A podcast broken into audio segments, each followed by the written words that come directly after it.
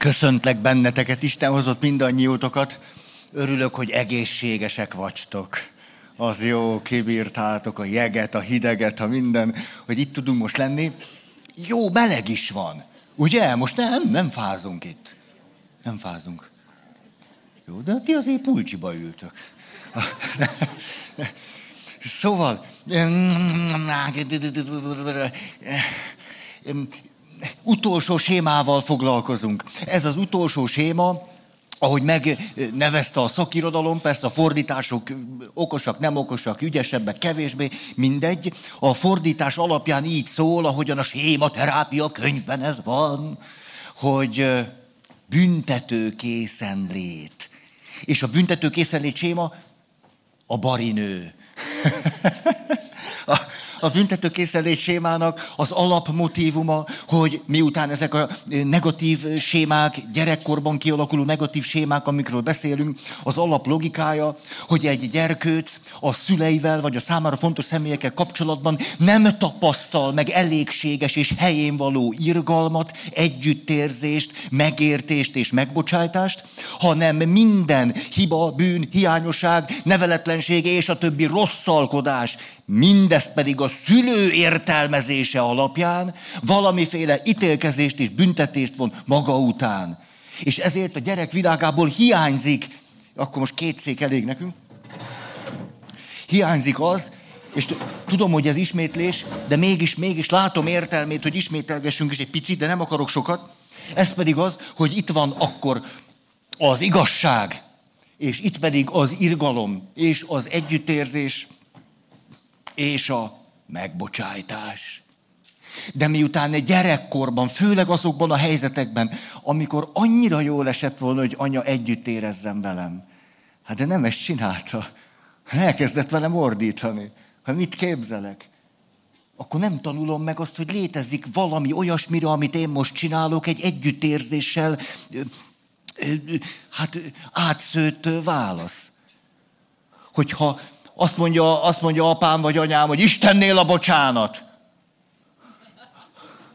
Van egy ilyen szólás, nem tudom, ismerős, hogy én ezt hallottam élőbe.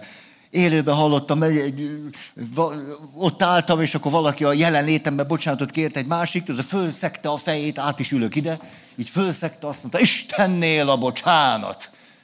De úgy mondta, értitek, hogy arra gondoltam, hogy tényleg kell lennie Istennek. Mert, mert ez annyira szörnyű, hogy ezt csak így lehet elviselni. Na, tehát, hogy persze, hogy előbb-utóbb hibázunk, valami rosszat teszünk, hát főleg gyerekkorban, hát nem is tudjuk, mi a jó meg a rossz. Hát hogy, hogy ne csinálnánk rosszat, de persze, hogy teszünk. Abból a szempontból, hogy a szüleink ezt mondják pláne, még hogyha azt mindig jól látnák. Nincs élményünk a megbocsájtásról, hogy az élet tovább tud menni, és az irgalomról nem ragozom. Tehát Emlékeztek, hogy miért fontos kiraknunk a két széket? Nekem nagyon fontos. Nem akarok az együttérzésről, az irgalomról és a megbocsájtásról így beszélni. Azért, mert ha én így beszélek, akkor ti bennetek alakul ki a másik szék. És azt mondja, jó, jó, Feri, de. Jó, jó, jó, de. Na jó, jó, azért mindenek van határa. Na jó, jó, azért azt csak nem engedhetjük meg. Na jó, jó, jó, azért az, az arra mégiscsak. Tehát ennek semmi értelme, hogy akkor én elkezdem a kölcsönösen egymást kiegészítő igazságok egyik részét hangsúlyozni, és ezzel akaratlanul is titeket a másik székre ültetlek. Hát mert van annyi jó érzésetek, érzékenységetek, hogy azt mondjátok, na, na, na, na, na. Te nem akarom, hogy pont ti üljetek ide, ugye miközben én díszelgek az írgalomnak, a megértésnek, együttérzés, megbocsájtásnak a szépségeiben. Ezért rakom ide a két széket. Azzal azt is kifejezem, hogy nálatok is két szék van. És emlékeztek az előző sémánál, most belelkesedtem, nem tudom miért. Úgyis erről lesz szó, hogy az érzéseink, hogy tudjuk, hogy milyen érzés, meg mi. Na, hogy, hogy, hogy az előző sémánál érzelmi gátoltság. Ezt, ezt ne csináljam, ezt, ezt, de csinálhatom, csak nem tudom. Na, hogy, hogy mondod?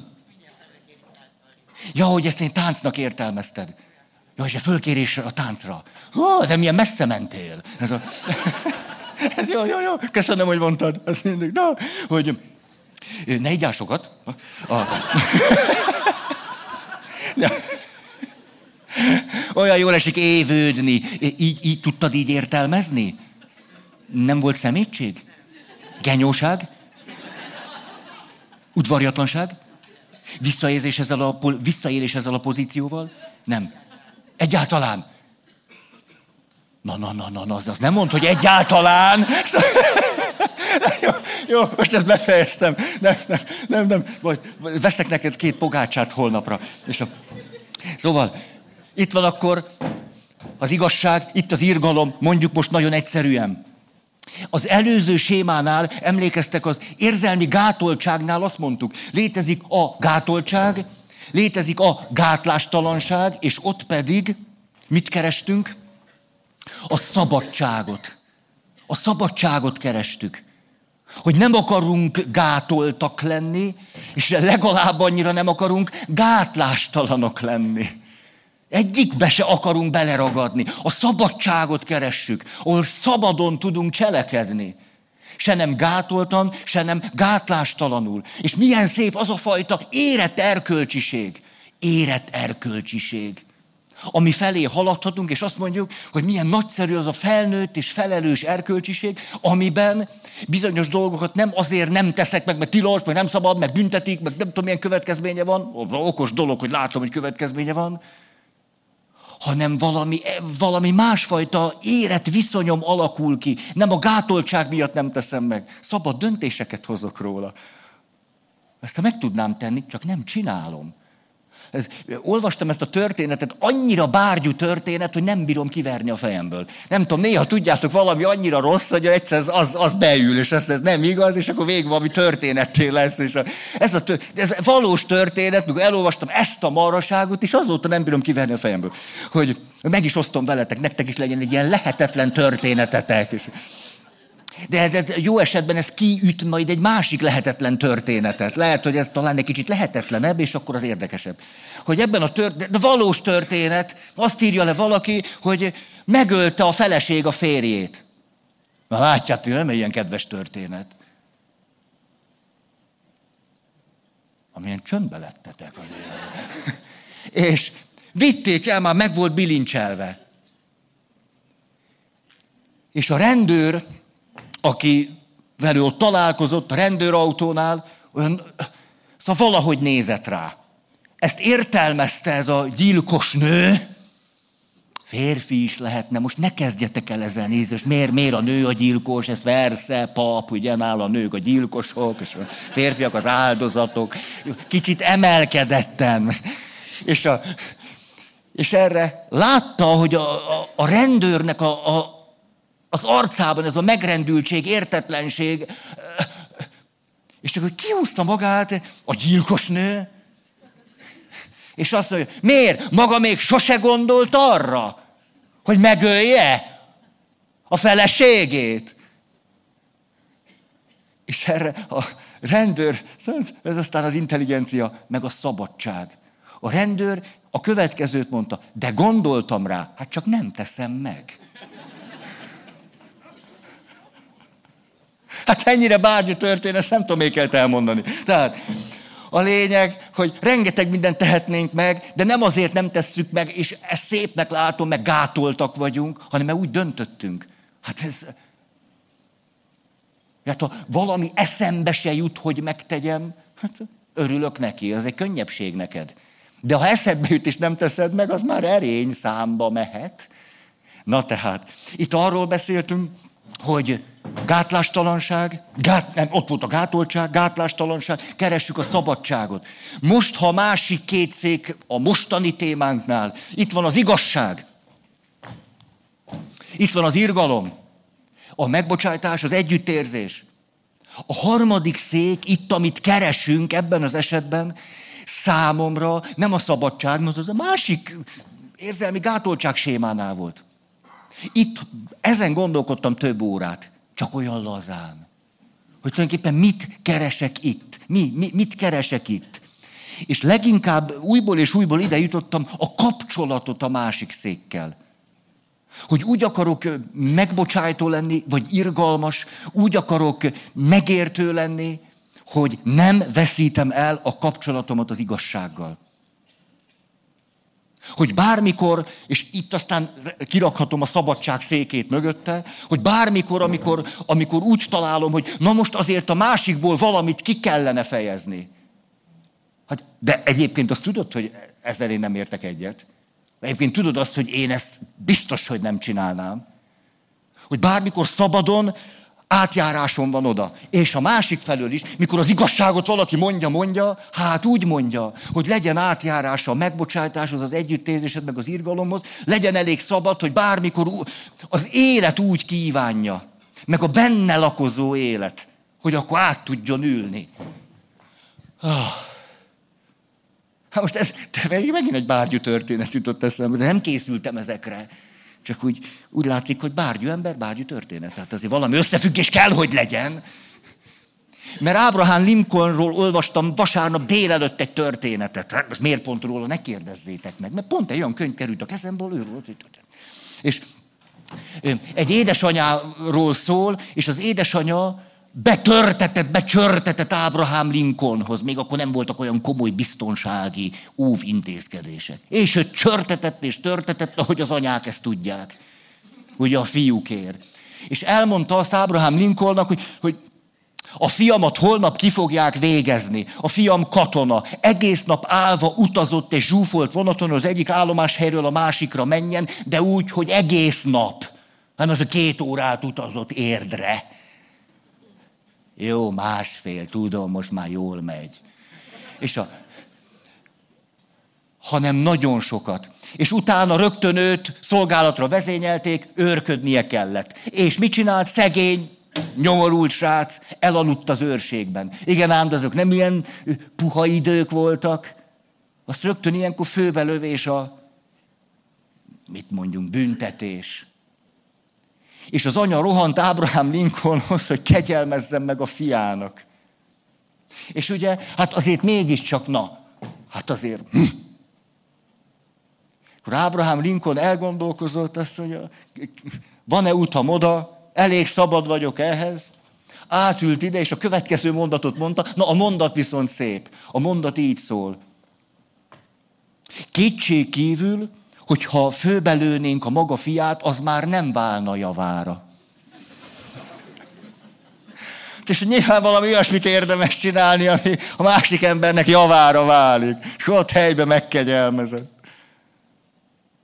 Tehát itt tulajdonképpen, mikor az irgalomnál, megbocsájtásnál, most már nem mindig ezt a hármat már nem mondom el, jó? Tehát azt fogom mondani, hogy három. És akkor három, és akkor írgalom, megbocsájtás, együttérzés. Hogy amikor itt vagyok a háromban, hogy legyen utam oda. És ott vagyok, legyen utam ide, és elég szabad legyek. De nem a szabadságom van a kulcs, sokkal inkább az úton. Ne tévesszem szem elől. Mert, mert, mert egyébként olyan mélyen működik bennünk az igazságérzet, az egy... Szóval az igazságérzetünkkel nem törődünk, ösztönös marad, és brutális. Hát ne, nem az igazságérzettől kell eltávolodnunk, vagy tagadnunk, vagy lebecsülnünk, hogy nem elég jóságos, hanem sokkal inkább milyen érdekes, mert most ugye arról beszélünk, az együttérzés kultúrájáról beszélünk. Hogyan tudunk jobban lenni az érzéseinkkel, ez volt a cím. Na. És hogy közben pedig milyen izgalmas, hogy éppen ahhoz, hogy ez az együttérzésünk és részvétünk szilárd talajon álljon.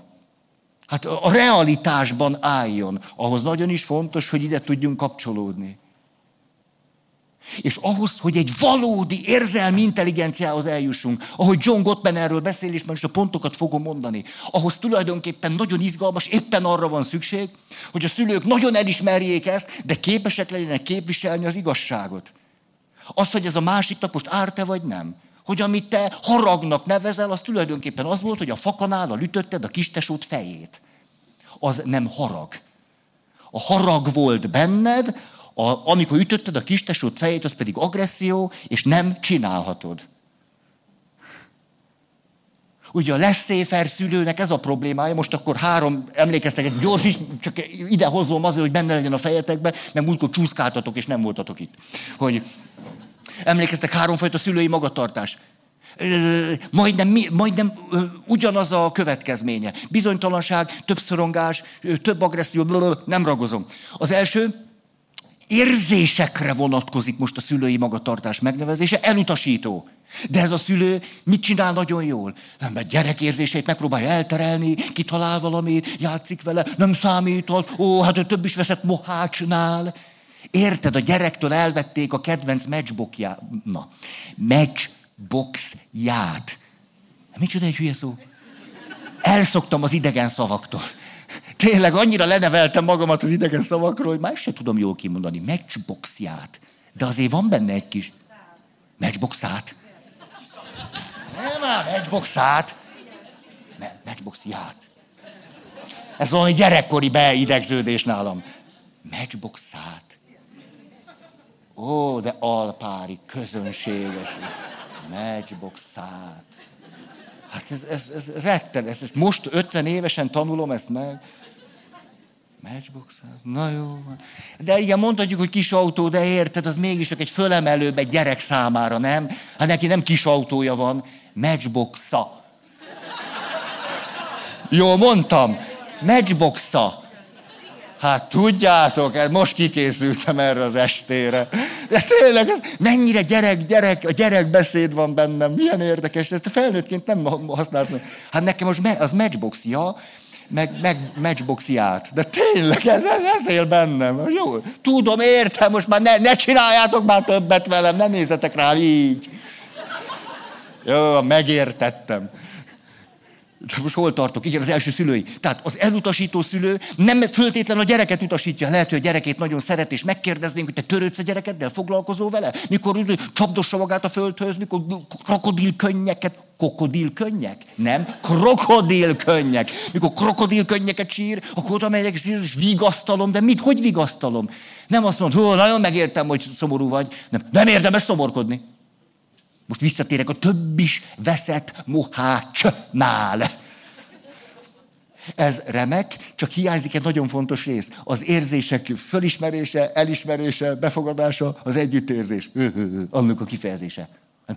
Azt üzenem neki, hogy nem érdemes ezt érezned. Tulajdonképpen veled valami kis probléma van, hogy te most ezt érzed. Mert látod, én a nagy felnőtt, ezzel a gondolattal, hogy több is veszett mohácsra, a gyerek nem tudja, mi az, hogy mohács. Most elkezded neki mondani, hogy tudod, Mohácsnál az történt, és jaj, te kisfiam, hát ez most a borzalmakat, egyesével mondom a halálos áldozatokat. Mi ez a te matchboxodhoz képest? Na szóval, most el tudom valaki itt, és hogy erre jöttem magam, önszántamból, hogy szabadon arra, arra adtam magam, hogy ide eljöjjek. Hát szabad, engedélyezem nektek a szabad távozást.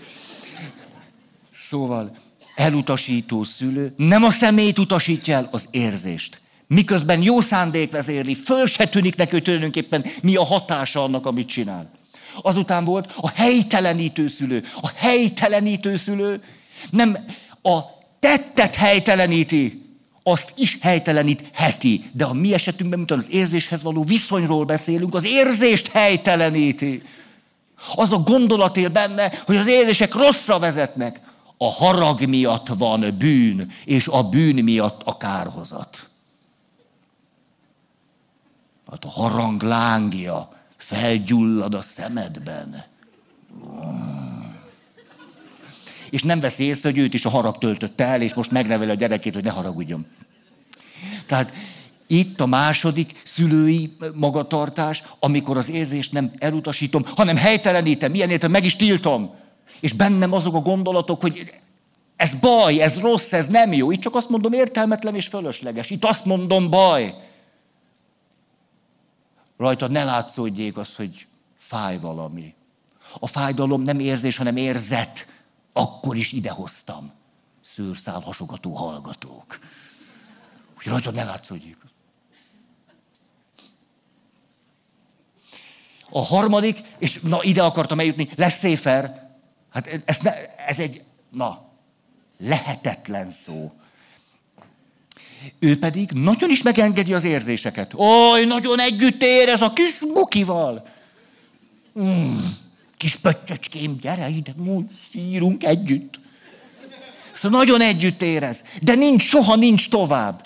Nincs, ne, nem tanulja meg, hogy rendben van, most dühös voltam, most ide ülök, az meg, én vagyok. Én vagyok a szülő. Én legszívesebben ordítanék. Nem, de én akarnék ordítani. Nem, nem, nem, nekem az összes érelmem eszembe jutott. Á! Tudod, ilyenkor a gyerekek meglepődnek. Meg, volt egy olyan fogorvos, gyerekfogorvos, nagyon okos nő volt. Nő volt, hallottátok? Egy-egy. Gyilkos nő, okos nő. Most már az egy-egy. Megvádoljátok a katolikus papot részrehajlással.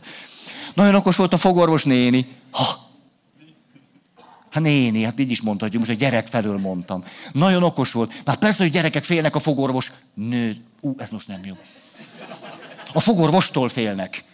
És miután félnek a fogorvostól, ezért hát sokszor oda a váróterembe, nem megyek be! És a fogorvos néni a következőt találta ki. Ha a gyerek nagyon szorong, de a szorongását ordítással oldja, szóval ez jó dolog. Leült mellé, és azt mondta, ordítsunk versenyt. Vá! És ordított a fogorvos nő a váróban. Ennek a következménye majdnem mindig az volt, hogy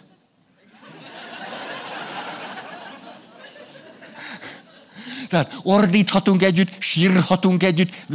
Az együtt, ez nem is, szinte már nem is együttérzés, hanem egyetérzés. Nem egyetértés, egyetérzés. Én is azt hiszem, amit te, ez nem is a te érzésed, amivel én együtt érzek, mert én, én már sajátomnál vagyok, és annyira ott vagyok, és én is már nem is veszlek észre, hogy már te nem sírsz, mert én még mindig tényleg. Na, lesz széferszülő. Tudom, hogy egy kicsit szoktam túlzásba esni, de csak a plastikusság miatt. A megértés véget. Na. Szóval itt a probléma az, ami miatt idejöttem, ti fogjátok a gondolatmenetet? Vagy, vagy csak én értem még? Olyan provokatív vagyok ma. Provokálra elő akarok hívni valamit belőletek. Hogy azt nem tudom mit, csak majd meglátjuk mi ez. Hogy hogyan történik éppenséggel az érzelmi intelligencia fejlődése, onnan nézve a szülő felül nézve a fejlesztése, éppen azáltal, hogy a szülő képes mind a két széken ülni, és tud nagyon megértő lenni, és majd fogom mondani egymás után, elfogadja az érzést, pont erről akarok majd beszélni, de közben pedig tud arról beszélni a gyerekkel, hogy jó, hát de amit csinálta, az helytelen. Nem ütheted meg a testvéredet. Szabályok szerint szabad nálunk birkózni. A szüleim ezt csinálták, mondjuk anyukám, mert apukám nem volt otthon. Anyukám se, de mikor otthon volt, akkor... Ugye van egy ikertesó, most nem tudom, hova üljek. Van egy ikertesóm, és az ikerte fiú. Na hát értitek. De ő volt a nagyobb. Hát ez kihívás volt nekem. És ezért a szüleim, mikor látták, hogy agyon ütjük egymást, akkor nagyon okosan, tudjátok mit? Nem tudom nektek milyen ágyatok volt gyerekkorban, amikor már nem kis ágyba aludtunk, akkor nekünk olyan volt, rendes, ilyen deszkaágy, és akkor rajta szivacs. 6 centi, hát mi az a 26 kilónak, ugye? És ezért mozdulattal le lehetett venni a szivacsot, és akkor szüleim, hát apukám nem volt ott, nem, anyukám volt a bíró. És azt mondta, most lesz egy-két alapvető szabály, hogy mi alapján lehet birkózni. És akkor Két-három alapvető szabályt kitaláltunk, hogy mit legyenek a birkózás szabályai. Nem folyhat vér, már az enyém, az semmiképp. És legalábbis így értelmeztem egy ideig. És akkor egy-két alapvető szabályjal tulajdonképpen, ha, ha, ha. Vagyis létrejöttek szabályok, egyszer csak lettek határok. De közben anyukám nem mondta, hogy ne birkózzunk. Azt mondta, van különbség egészségedre. Az a még egyszer. Ez, ez. Azon, igaz, nem, na ennél ez bonyolultabb. Hogy miért pont most trüsszögtél? Hogy nagyon izgalmas megkülönböztetést tett, és látjátok most is, ez elevenen él bennem, hogy a verekedés nem egyenlő a birkózással. Ugye itt, itt van az anyukám az igazságot tartja, hogy vannak szabályok, keretek, Éppen az érzelmi intelligencia fejlesztése okán. Ugye megvan a, a folyamat. És azt mondja, de van különbség a verekedés és a birkózás között. És emlékszem, hogy, akkor, hogy, hogy arról beszélt nekem anyuka, hogy a birkózásról tudod, szabályok vannak, és akkor, és akkor meg lehet nézni egy filmet a birkózókról, népsportot megvesszük. Na, a népsport, az kit érdem, és tudok olvasni. Képes sport. És a szabály, és akkor van olimpia. Na jó, de ha valaki mit tudom, beleharap a birkózó társába, azt kizárják. Hm. Milyen, na, erről is majd akarok beszélni. Miért hoztam ezt ide? Azért, mert éppen az érzelmi intelligencia fejlesztéséhez van szükség ahhoz, hogy az igazságot, szabályokat, kereteket, hogy ezeket képes legyek föntartani, miközben megértő vagyok, együttérző, megbocsátó és irgalmas. Hát pont a fejlesztéshez mind a két székre van szükségem. De a leszéfer szülőnek az a problémája, itt ül, mert itt az a gyerekszéke, hogy mindig a megértésig, együttérzésig, irgalomig, egyetérzésig eljut, de utána nincs tovább, semmi nincs tovább. Hogy mit kezdjek akkor az érzéssel? Akkor mit csinálhatok? Akkor mit tilos, vagy mit nem? Mi helyes és mi nem? Hogy minek mi lesz a következménye? Mit érdemes csinálni, mit nem? Hogy tulajdonképpen mit akarok és én mit nem? Hogy mire vágyok és mit nem? Erről soha nem esik szó. Csak az, hogy lehetsz dühös. Ah, megértem, most szomorú vagy. Jó, hát nem fejlődik az érzelmi intelligencia. Hely, tehát a kiegészítő igazságra nagyon nagy szükség van épp az érzelmi intelligencia fejlesztése érdekében. Oké, okay, most elvittem innen a szülőszékét, és ezt is elviszem innen. Most iszom, ez egyáltalán nem része az előadásnak. Ez az én részem most. Miért is tartom ezt annyira fontosnak? Meghívtak egy előadást tartani, és érdekes címet adtak, tudjátok, van, hogy nem én adom a címet, hanem adják. És akkor nagy erőnk. És a cím így hangzott, lehet, hogy ismerős nektek ez a kérdés, hogy most az eszemre hallgassak, vagy a szívemre. Szoktátok mondani? Most az eszemre hallgassak, vagy a szívemre? az eszemre, vagy a szívemre? Ha mondhatnék nektek valamit, akkor azt, hát most miért nem mondhatnék, ugye? Akkor azt hangsúlyoznám, hogy ez a kérdés, bármely ilyet helyzetben is vagytok, és merül lesz hogy most az eszemre vagy a szívemre hallgassak, ez a kérdés a probléma része, és nem a megoldásé. Mert ha van olyan kérdés, amiben árnyéka sincs a rendszer szemléletnek, folyamat orientáltságnak, vagy lényeglátásnak, akkor ez, ez a kérdés. Tehát ha te sokat teszed, most ideülök mind a két része, ha te sokszor teszed föl ezt a kérdést, hogy most az eszemre hallgassak, vagy a szívemre, akkor tudhatod, hogy egy rendszer szintű problémában vagy benne idáig. A kérdésed a problémádat tükrözi, és a problémának része, nem a megoldásnak. És hogy, hogy ez tulajdonképpen mennyire tudható már, 2500-3000 évvel ezelőtt is az ókori Héber gondolkozásban három széket használtak. Ha az a kérdésem, hogy most az eszemre hallgassak, vagy a szívemre, az tulajdonképpen praktikusan azt jelenti, hogy azt akarom eldönteni, hogy melyik jó és melyik rossz. Hát tulajdonképpen akkor te egy egyszékes modellben gondolkozol. Ez vagy az. Maga a kérdés a problémád része. Ha ezt kérdezed, hí, látszólag két székről gondolkozol, valójában azon gondol, melyiket dobt ki. Hát így aztán még nagyobb egyensúlyvesztésbe fogsz kerülni. Tehát nem tudsz jó megoldásra jutni. A problémád még nagyobb lesz. Ezt, jó, hallgattam a szívemre. Hát, na, lett is következménye. Hallgattam az eszemre. Na, ki is purcantam. Már 2500 évvel ezelőtt három széket használtak. Haj, és mégpedig nagyon érdekes, tudjátok, a Héber gondolkozás, hát hogy én erről tanultam, amikor papnövendék voltam, ezért hozom ezt. Ez okos dolog. Már ott azt mondják, tériri, itt van az eszem, azt mondták a fej. A Héber gondolkozás praktikus gondolkozás.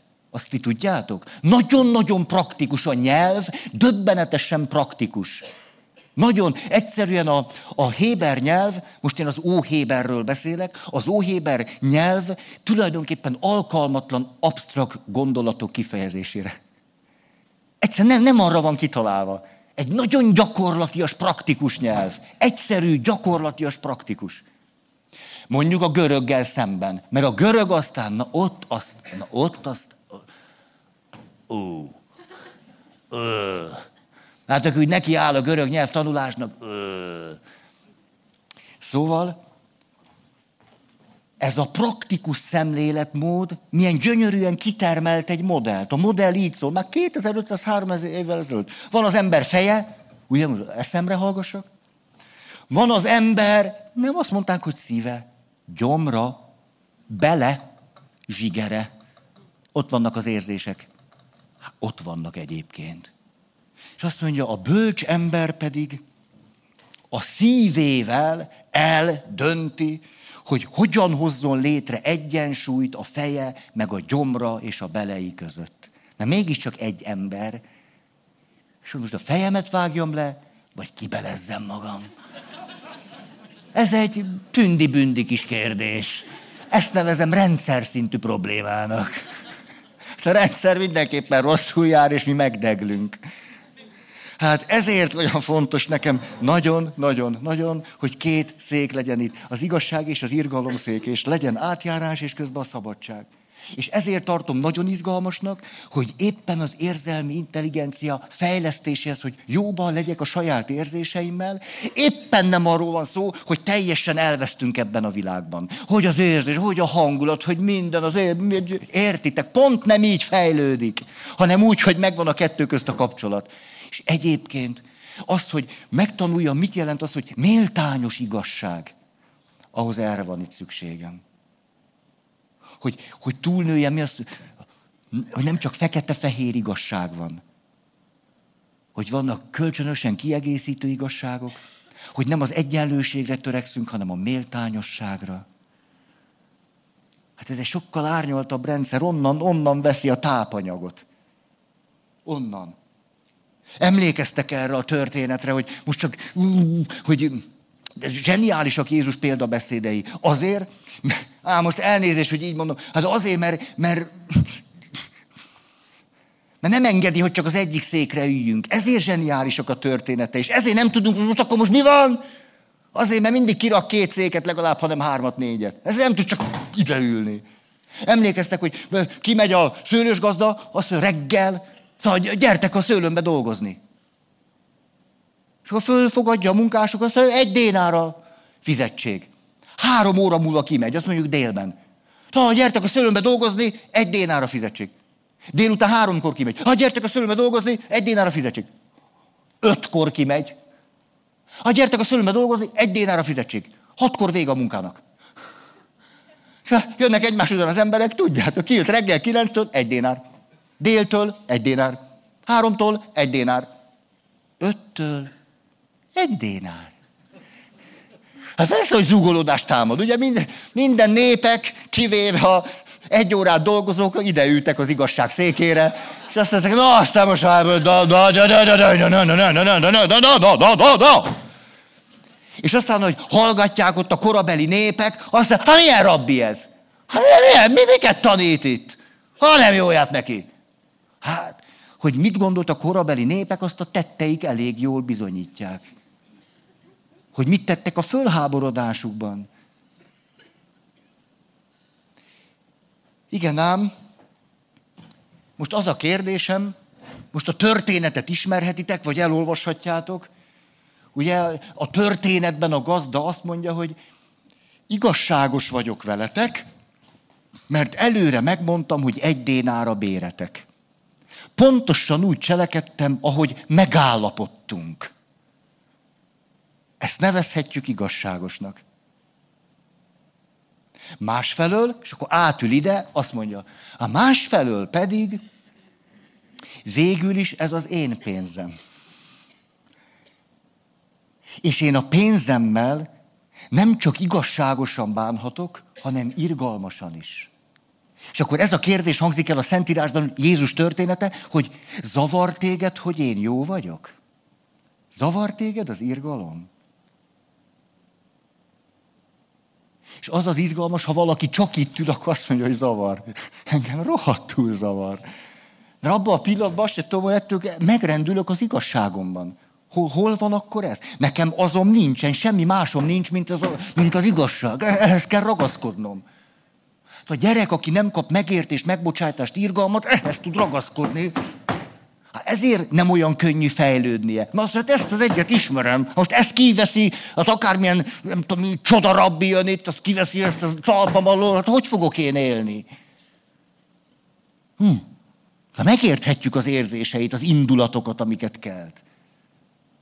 De most akkor innen egy picit a háttérre, most leülök ide, és azt mondjuk a történetben, de most magunk között szóval azért piszkálja a csőrünket, nem? Most majdnem azt mondja, hogy piszkálja a szemünket. Piszkálja a csőrünket, csípi a szemünket. Tehát csípi a csőrünket.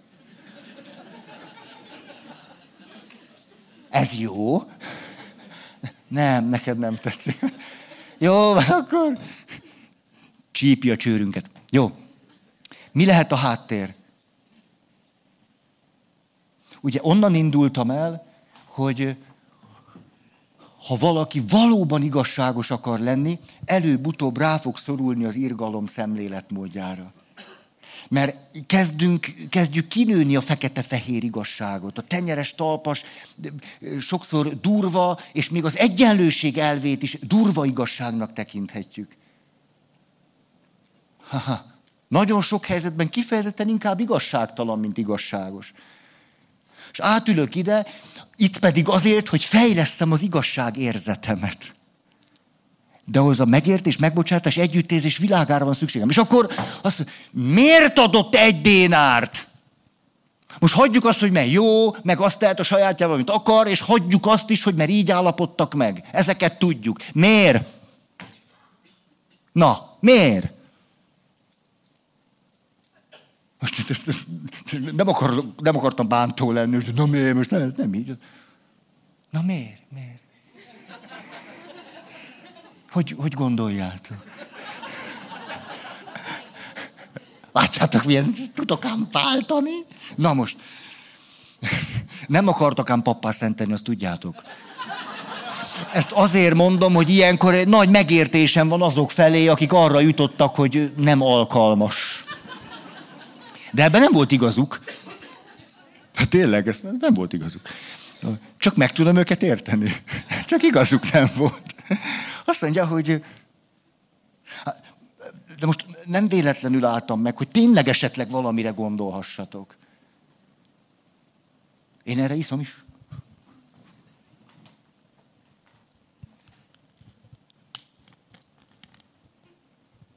Innen merítem az erőt.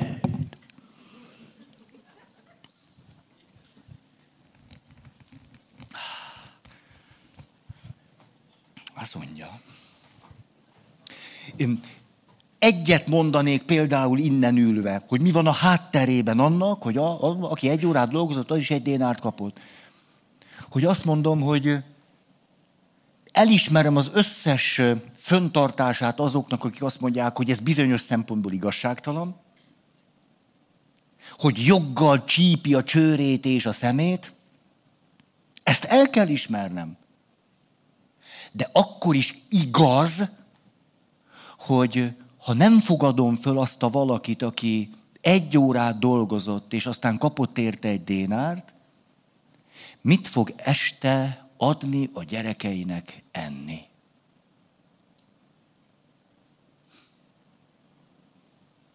Mert akkor ő aznap nem jutott keresethez. És ha én adok neki egy óráért egy dénár, tulajdonképpen elismerem, valóban mások kilencszer annyit, nyolcszor, hétszer, hatszor annyit dolgoztak, elismerem. De attól még a gyerekei éhesek. Hát akárhogy van az igazság, a gyerekei éhesek. És ez azt jelenti, hogy egy, egy idő után az igazság érzetünket, azt mit jelent méltányos igazság? Azáltal fejlesztjük, hogy a megértés, együttézés, ha irgalom székéből elkezdünk táplálkozni. Tehát oda-vissza igaz mind a kettő. Az érzelmi intelligenciánkat az igazság megfontolásaival fejleszthetjük egy pont után, Az igazság érzetünket pedig az együttérzés megfontolásaival, vagy érzületével. Há, én ezt szépnek látom. És ezért használom a két széket, és nem akarok egy széket. És ezért nem akarok így ülni, és akkor most merészen beszélni, az űrgalom, az igaz... Ha... Oké, okay, gyerünk már most, most nézd, most fél óra. Viszket az óra. Az mondja, hogy én arra jutottam tehát, hogy, hogy, hogy, hogy, hát kicsit olyan, olyan túlságosan szőrszál hasogatóan, vagy szálazósan akár, de szeretném egymás után pontokba szedni, hogy tulajdonképpen akkor az érzelmi intelligencia hogyan fejleszthető. John Gottman használom vezérfonalnak, de kifejezetten szeretnék eltekinteni a szülő-gyerek kapcsolattól, már csak azért is, mert nem értek a gyerekneveléshez.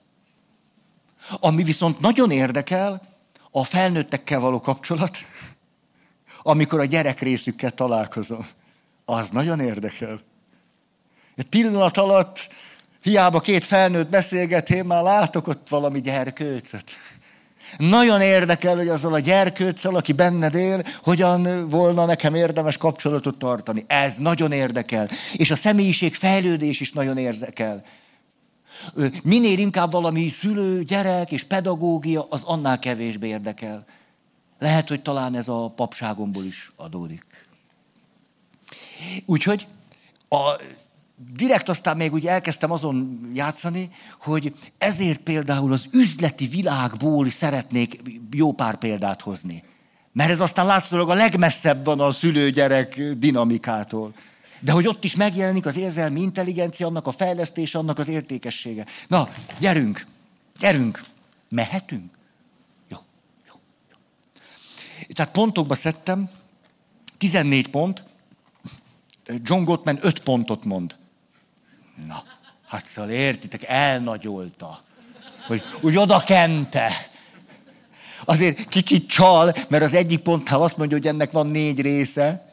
Hát azért na, na, na, na. Tehát, de most arra gondoltam, ha már intelligent nézd, akkor szeretnék be jól szétnézni ebben a világban. Akkor ne nagyoljuk el. Jól van, gyerünk. Első pont. Fölismerem a magam érzését, vagy fölismerem a másik érzését, hogy egyáltalán létezik olyan, hogy érz, érez, hogy van benne most egy érzés. Hogy olyan nincs, hogy nincs benne egy érzés, hogy azt nem lehet nem kommunikálni. Hát nem lehet nem valamilyen érzéssel, érzettel, hangulattal, valami lelki állapottal lenni. Mert ha unom, az, az egy elég komoly érzelem. Akkor valaki komoly fizikai hatások. Úgy fölháborodott rám valaki, de ezt most nem mondom, hogy miért.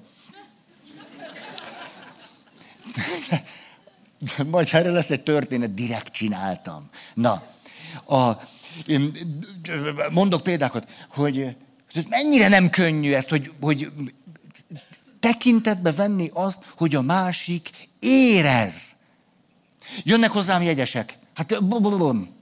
És olyan kedvesek, megvártok engem a mise után, a kedd után, a hétfő után, a csütörtök után, a péntek után, a szombat után és a vasárnap után. És, oj, Feri, atya, oj, hát mi szeretnénk örök hűséget fogadni egymásnak. De, de ez ijesztő. Ez, ez, úgy, annyira, és, ó, és ez a nagy nap, és a, hát értitek, úgy gyanítom, hogy, hogy hova fog ezt kifutni. Mert az olyan jó, mikor csak jön valaki, Taj, Feri, atya, meg fogunk házasodni. Na, ezt akartam, csak szia. Hát nem így szokott folytatódni. Hanem úgy, hogy akkor, augusztus 4-e, legyél te is ott. Meghatározott szerepben. És ugye nehogy azt mondod, na, na, na, na. És mikor el kellett kezdenem gyakorolni azt, hogy, hogy egyszer nem tudok mindenre igent mondani. Mert hát amíg tudtam igent mondani mindenre, és még bírtam, akkor miért nem mondanék igent? Addig mondtam szinte mindenre igent, ha meddig bírtam. Hát de nem bírom. Akkor értitek, akkor... És de nem is érdemes engem kérni ilyen esküvőre, tudjátok, hogy Rozália. Hát ezt, ezt ne akarjátok magatoknak. Na, és a, És amikor elkezdtem nemeket mondani, tulajdonképpen ezt úgy tudtam csak csinálni, hogy nem vettem tekintetbe az érzéseiteket. Nagyon sajnálom, azokat tudom vállalni, nagyon leterhelt vagyok. És láttam az arcotokat. Tulajdonképpen ez hatott rám. Egy olyan 5-6 évig kellett néznem benneteket, míg valami változás történt. Ne, de egy év is elég volt.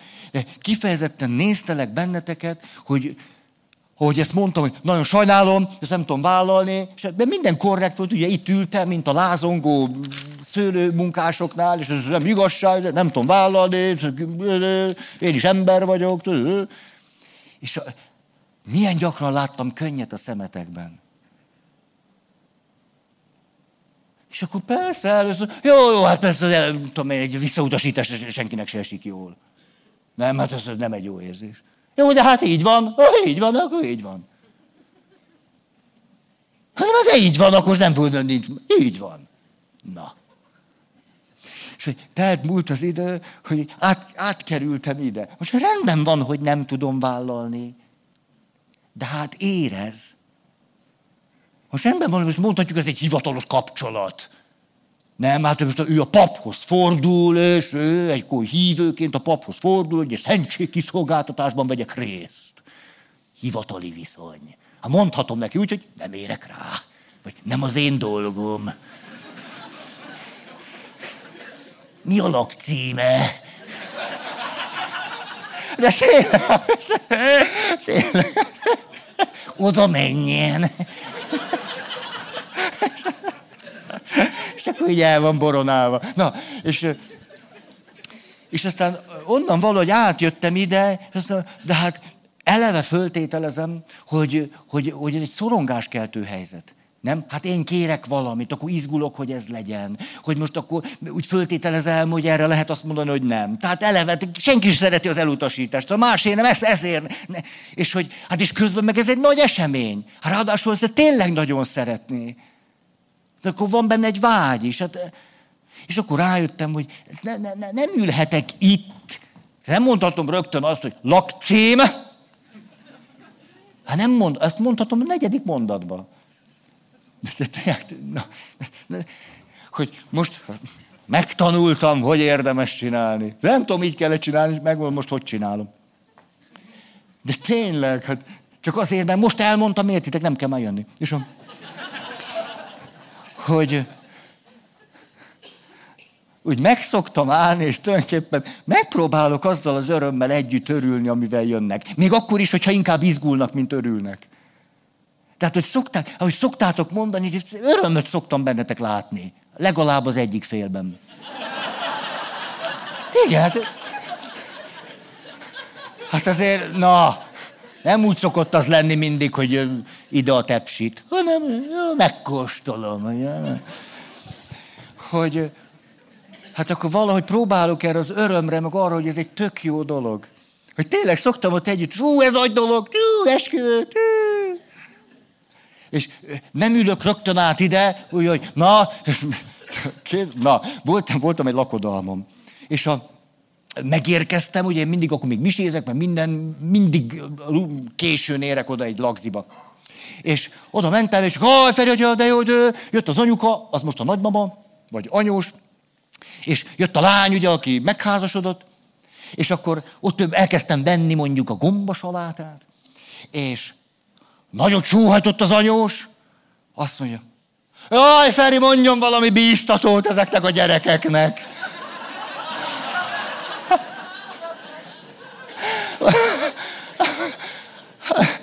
A Margit néni most a maga házasságáról beszélünk, vagy a gyerekekéről.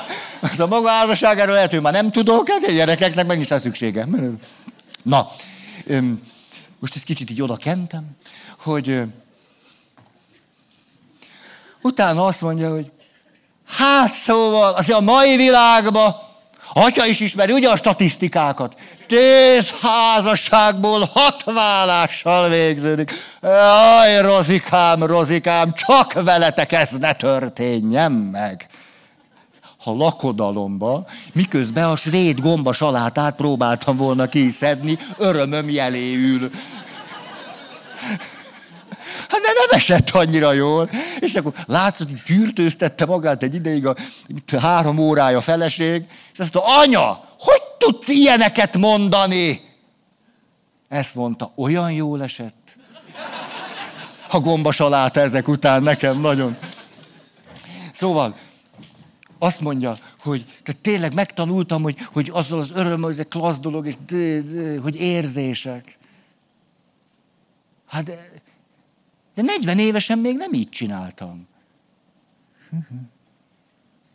Ezzel azt akarom mondani, persze most hogy igen, ez volt az első pontos, pontosan elolvasom, nem mint jelentősége lenne, fölismerem a másik érzését.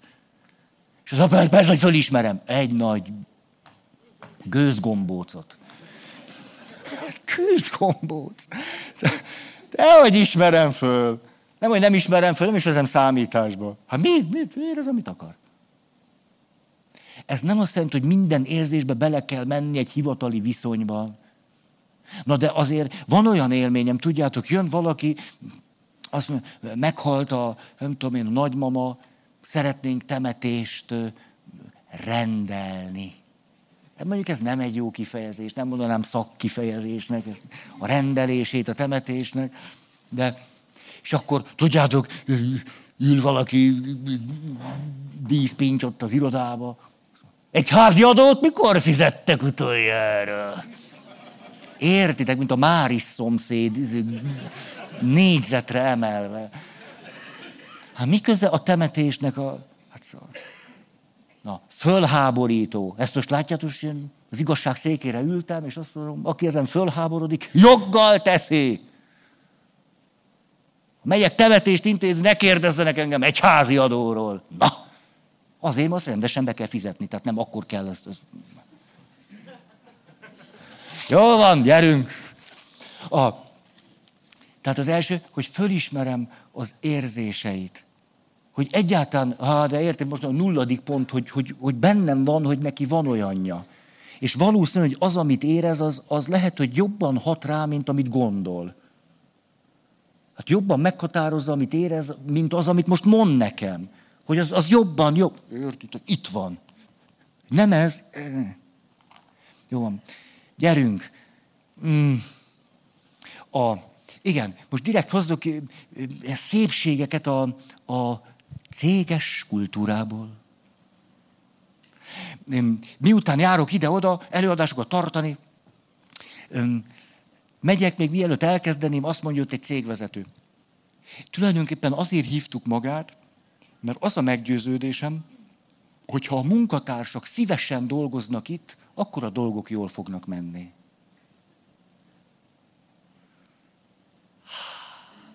Szeretnétek ilyen helyen dolgozni? Épp ma beszélgettem valakivel, egy cégvezető, Második ember, tök mindegy. És azt mondja, hogy most akkor lesz egy szakmai program, természetesen évkezdés, és akkor új célok, és nem tudom, az előző évnek egy rövid értéke, jó, ezt most nem is mondom, értitek. És akkor azt magát pedig azért hívtuk, hogy a végén maga valami tartalmasat mondjon, ami után jó érzésekkel mehetnek el a munkatársak.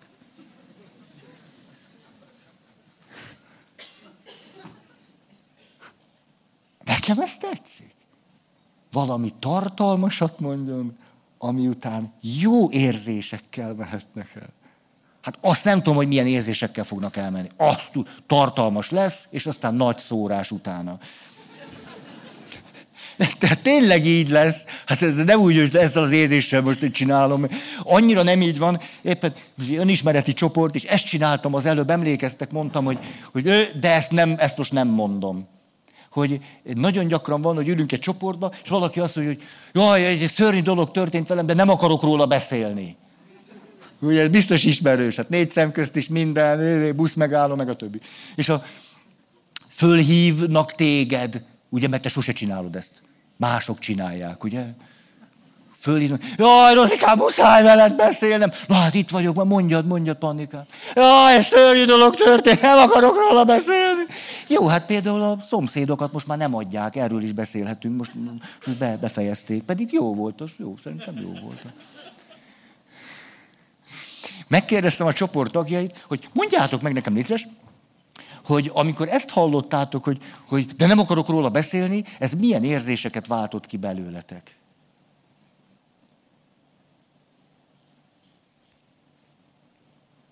Most ez nem egy drámai csönd, nem ezért álltam meg, mert ahhoz dráma kellett volna, hogy legyen, az meg nincs, ugye? Tehát most ezt csak úgy megálltam.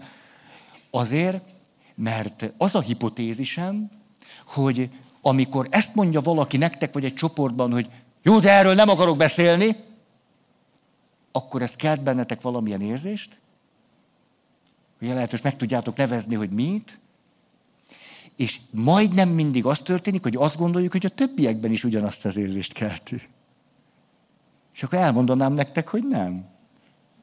Hogy a legnagyobb szórás létezik erre a mondatra. Hogy van, aki azt mondja, látszik, hogy belángol a feje. És hogyha van kellő szabadsága, meg vagy mondjuk borderline kettő az hasonlóképp működik, és a... Nem, most a hülyéskedek. Na, gyerünk. Tehát Ugye egy borderline barátunknak nincs, szóval olyan sokat nem mérlegel. És akkor ő mondja, hogy hát ezt te csinál már velünk. Most vagy mondod, vagy nem mondod, szórakozzál otthon. Ugye ez? És akkor iszonyatosan dübe tud gurulni, hogy vele ne szórakozzanak. És lehet, hogy amikor én csináltam fél órával ezelőtt is, az nem, most menjen már. Gőzgombóc. És, de van olyan, aki nem lát semmit, ő hallgat, azt mondja, fú, de megnyugtató, hogy nem kellett neki mondani. Hát én velem is milyen egy csomószor van, hogy nem is bírom eldönteni, és mondjam, vagy ne, vagy hogy mondjam, vagy szóval csak úgy kavarok bennem. Hát, fú, de jó, néztem is a Ferit, hogy mit csinál. És akkor nem mondta, hogy, hogy hát most most, most már mondanod kell. Jaj, de jó, hogy nem mondta. Ó, oh, szóval itt szabadon lehetünk, és akkor mondhatok ilyet, és akkor nem mondom, és akkor majd mondom, és a... Ó, oh, hát de rég akartam egy ilyen erre jönni.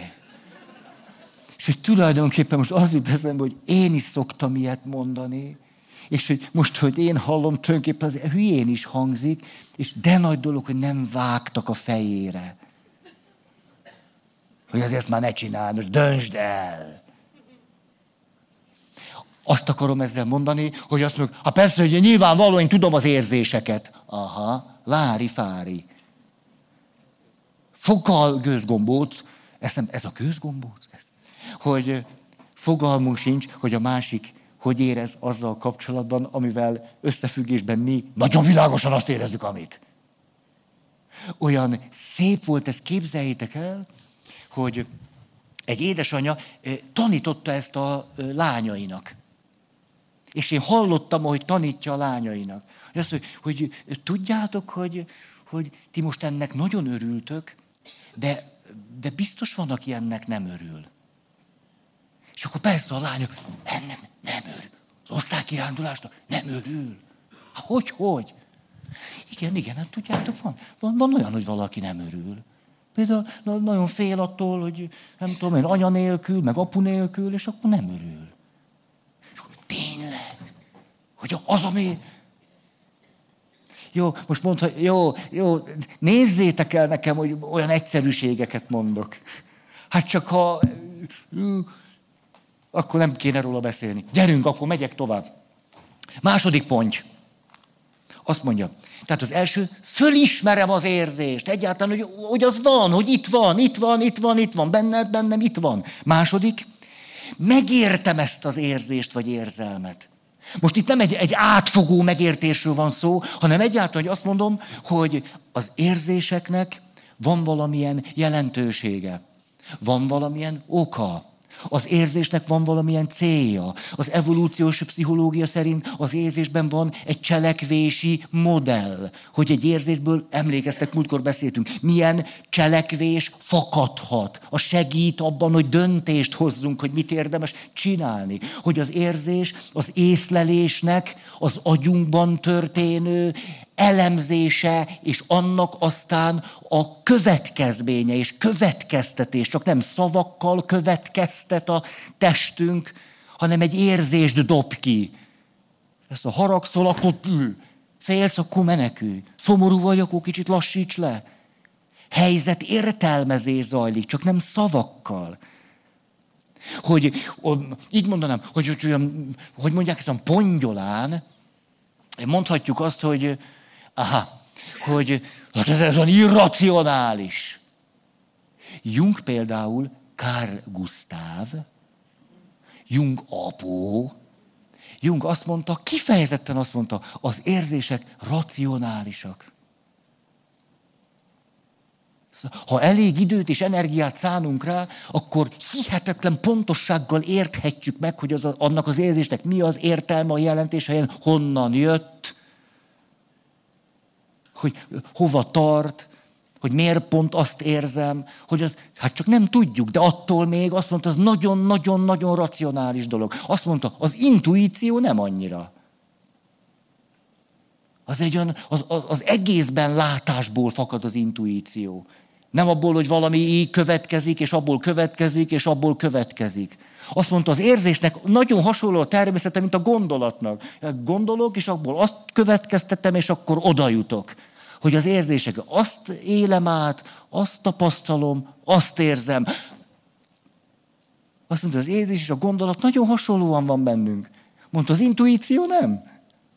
Az egészlegesen ragad meg egy helyzetet. Nem tük-tük-tük lépésszerűen. Miért érdekes ez? Azért, mert mondhatjuk azt, hogy hát, hogy irracionális ez ha tájékozódunk az érzések, érzelmek, hangulatok, érzetek világában, látjuk, hogy, hogy mennyire van hihetetlenül pontos. Olyan értelemben persze, hogy mondjuk lehetnek sémáink. A séma is bennem van. Ha valakit nagyon ural egy séma, akkor az ő érzései nem a jelenhez kapcsolódnak, hanem egy múltbéli eseményhez. És ha jelenben éri őt egy inger, ami kiváltja a múltbéli esemény fölelevenedését, akkor ő nem a jelen helyzethez kapcsolódó racionális érzést éli meg, hanem a múltbéli eseményhez kapcsolódó logikus érzést. Ezt innen nézve mondhatom irracionálisnak, csak hogy éppen nem az. Felszínesen, ezt a pongyolán mondom, hogy irracionális. Sokkal racionálisabb, mint gondolnánk. És a másik akkor azt mondja, hogy nem is csak, hogy irracionális, ez irreális érzés. Azt mondja a lélektan, hogy a legalapvetőbb érzések ténylegesen néha valahogy úgy is megjelenhetnek, hogy sosem derül ki, hogy mi az oka. Hogy egyszer csak úgy elszomorodhatok. És akár meddig kutakodok, sose fogok rájönni, hogy tulajdonképpen miért is. De attól még bennem ebben az élő rendszerben megvan annak az oka, a háttere és mindene. Hát csak egyszerűen túl összetett ahhoz, hogy rá tudjak jönni. Nem férek hozzá. Hát a, a, lazán mondjuk az érzés, az irreális, meg irracionális. A mélyre megyünk. Hm, hm. Hát az is egy kapaszkodó, hogy azt mondom, hogy teljesen normális vagyok akkor, ha félelem, öröm, vagy harag, vagy szomorúság megjelenik bennem anélkül, hogy valaha is tudnám, hogy ez miért történt. És állhatok hozzá nagyon józanul, azt mondva, hogy jó, hát most, most valahogy olyan dühösen keltem föl. Most, ha nagyon visszaemlékeznék, lehet, hogy az álmom miatt van így. Hát csak azt elfelejtettem. Csak a haragomat hoztam el onnan. Oké. Okay. Tehát a második pont így szól, hogy megértem az érzéseimet. Így is mondhatnám, és ebből adódóan megértő vagyok az érzéseimmel kapcsolatban. Tudom, hogy, hogy egyszer helyük van, hogy szabad nekik lenni. Oké, okay, nem, gyerünk már. Jó, elbírnám olvasni, ugye? Azt mondhatnám, hogy itt kimondhatom, hogy nincs helyes vagy helytelen érzés. Helyes vagy helytelen érzelem. Egyszerűen ilyen nem létezik. Legfeljebb nem tudom az okát, a hátterét, az összefüggést. Most helyes vagy helytelen, egyszerűen nem idevaló kifejezések. Következő. Elfogadom az érzést. Halljátok, hogy szálasztunk. Tehát fölismerem, megértem, elfogadom. Ez három nem ugyanaz a dolog hogy fölismerem, megértem, elfogadom az érzést, és itt egy picit ezt ki is egészíteném, hogy látom, hogy fáradtok, vagy a meleg, vagy a nem tudom mi, ez a szálazás, ez nem esik nektek jól. Ez szőrözés, te gőzgombóc, nem szálazás. Hogy elfogadom az érzést, és mögötte a szemét. Ez egy fontos megkülönböztetés, mert van, aki az érzést elfogadja, és a szemét nem. Háj, haj. Ugye a veszőparipám, hogy ti nők, ti nők, hajlamosak vagytok lenézni minket férfiakat. És mi férfiak hajlunk arra, hogy lebecsüljünk titeket, nőket. Nem egy jó alapállás főleg ha egy kölcsönös élő rendszerré alakul. Ezért kifejezetten nagy, nagy dolog, hogy nem csak egy érzést, vagy az érzésedet akarom fölismerni, megérteni, elfogadni, hanem téged is. A kommunikációnak nem az a kulcs, hogy most az érzésedet megértem és elfogadom, hanem hogy téged. És és akkor azt kiterjesztem az érzésedre, az érzelmedre, a hangulatodra.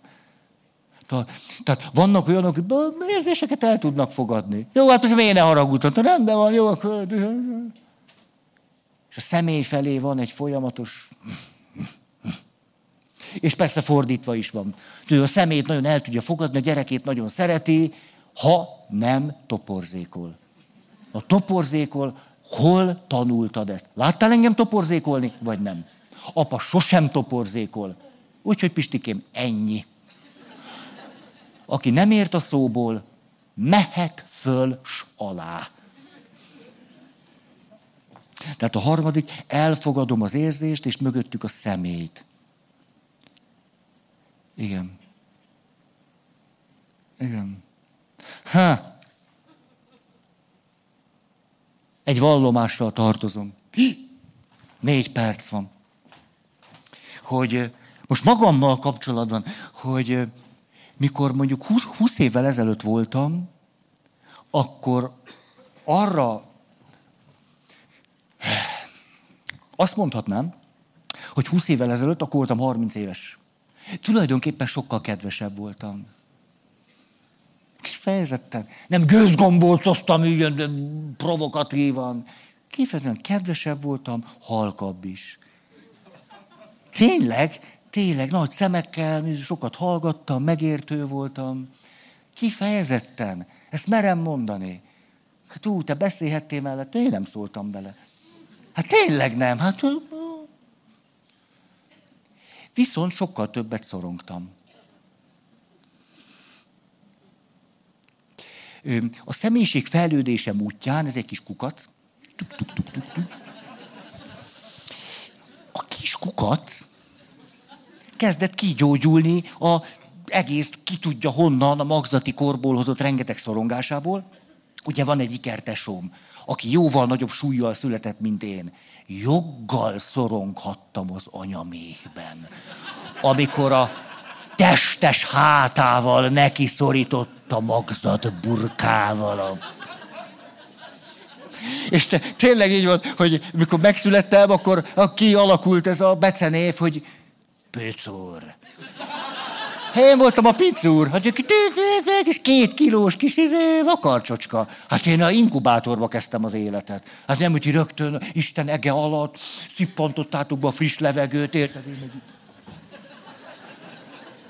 Na, van különbség köztünk. Rögtön az élet élvezetével kezdtétek, ugye?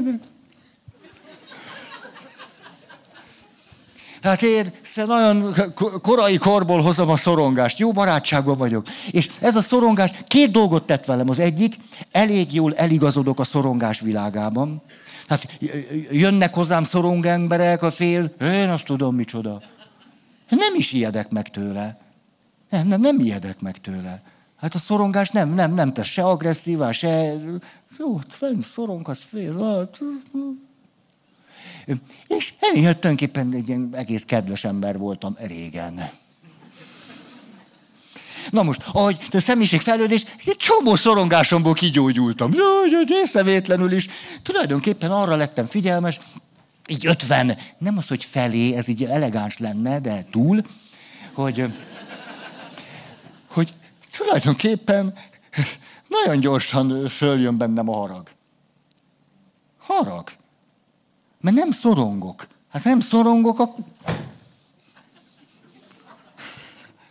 Tudjátok, ez egy tengelyen van. Létezik, ezt mondják így, hogy szorongás, harag, sőt, aztán agresszió tengely. Hát az az ára annak, hogy kigyógyultam egy csomó szorongásból, hogy pillanattal... Utóbbi években kell gyári módon megtanulnom a haragommal valamit kezdeni. Hát mert értitek, ha szorongtam, legfőjebb ugye mentem, leraktuk a üzőt, akkor szabályokat megbeszéltük, birkozgattunk egy kicsit, érted? Ez miért? Most miért akartam idehozni? Hogy érzések, hogy egyáltalán, hogy van érzés, akkor azt elismerem, megértem, elfogadom az érzés, és vele magamat. Hogy sok időbe tellett, még kimertem mondani azt, a Feri, te szorongsz. A Feri, te... Miért írtál erről könyvet? Ja, hát az együttérzés miatt. Tudja, persze jöttek hozzám ezek a kis szorongók, és a gondoltam, na most segítek nekik. Hát, hát be voltam oltva a szorongásra, hát én tudtam mi az. És ez nem, nem kellett könyvből tanulni. Tehát, most ezt miért akartam idézni? Azért, mondta, hogy céges világ, meg hogy érzés, ez a három pont együtt. Hogy nagyon érdekes fölismerésre tettem szert. Ugye, Szemülves Egyetem, mentálhigiéne intézet, micsoda kifejezés. És ahogy segítő foglalkozásúakkal foglalkozom, és önismereti csoport, és nem akarom ragozni, akkor szinte nagyon hasonlóak, mint én, a többség olyan, mint én, Hát sok szorongás, szociális félelmek, majd, hogy ne, ne, nem meri azt mondani, hogy letelt az egy óra, mert hát olyan fontos, akkor, amiket mond. Na, és, a, és ezért majdnem mindig egyszer csak ezeknél az embereknél hatalmas téma lesz a harag.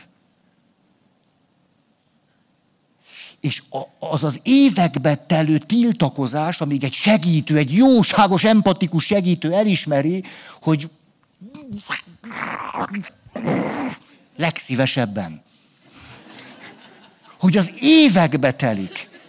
Hát az az érzésemet elfogadom, megértem. Há, há, persze, a, a szorongás, az, az, az, értitek, az is egy olyan elegáns dolog. Nem? Egy olyan jámbor, jámbor.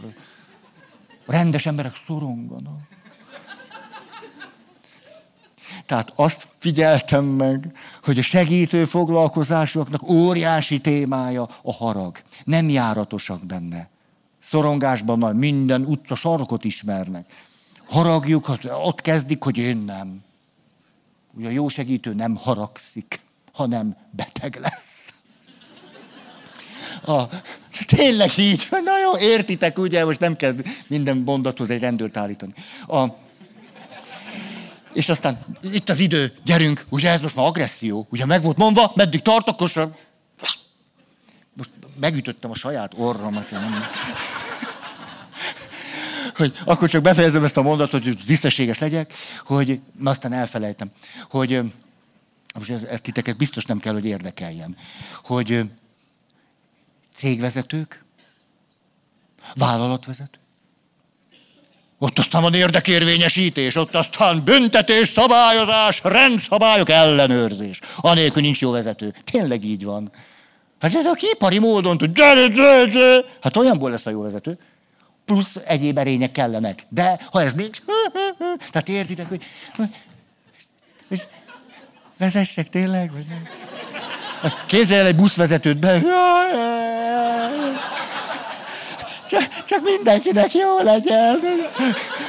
Hát nem szívesen ülné be hozzá, nem? Hasítson Jóska bácsi, ez miért? A sárga volt még, ne fékezzen. A... És, akkor mi a benyomásom, cégvezetők, multi, akármi, hogy mert, tudjátok, hát most direkt nem mondom a kifejezést, de tudnám, ezt valaki hogy fogalmazta meg, hogy ez mi, mondjuk arcoskodásnak nem nevezte volna, mert annál brutálisabbat mondott. Értitek, minden legkisebb pontért meg kell harcolni. És egyszer csak beszélgetünk, egy alkalom, kettő, három, mi jön elő? Mindig. Mindig. A szorongás, meg a félelem. Hát a segítőknél a haraggal dolgozunk, előbb-utóbb cégvezetőknél, meg a félelemmel és a szorongással. Előbb. Há. Nagyon köszönöm, hogy itt voltunk.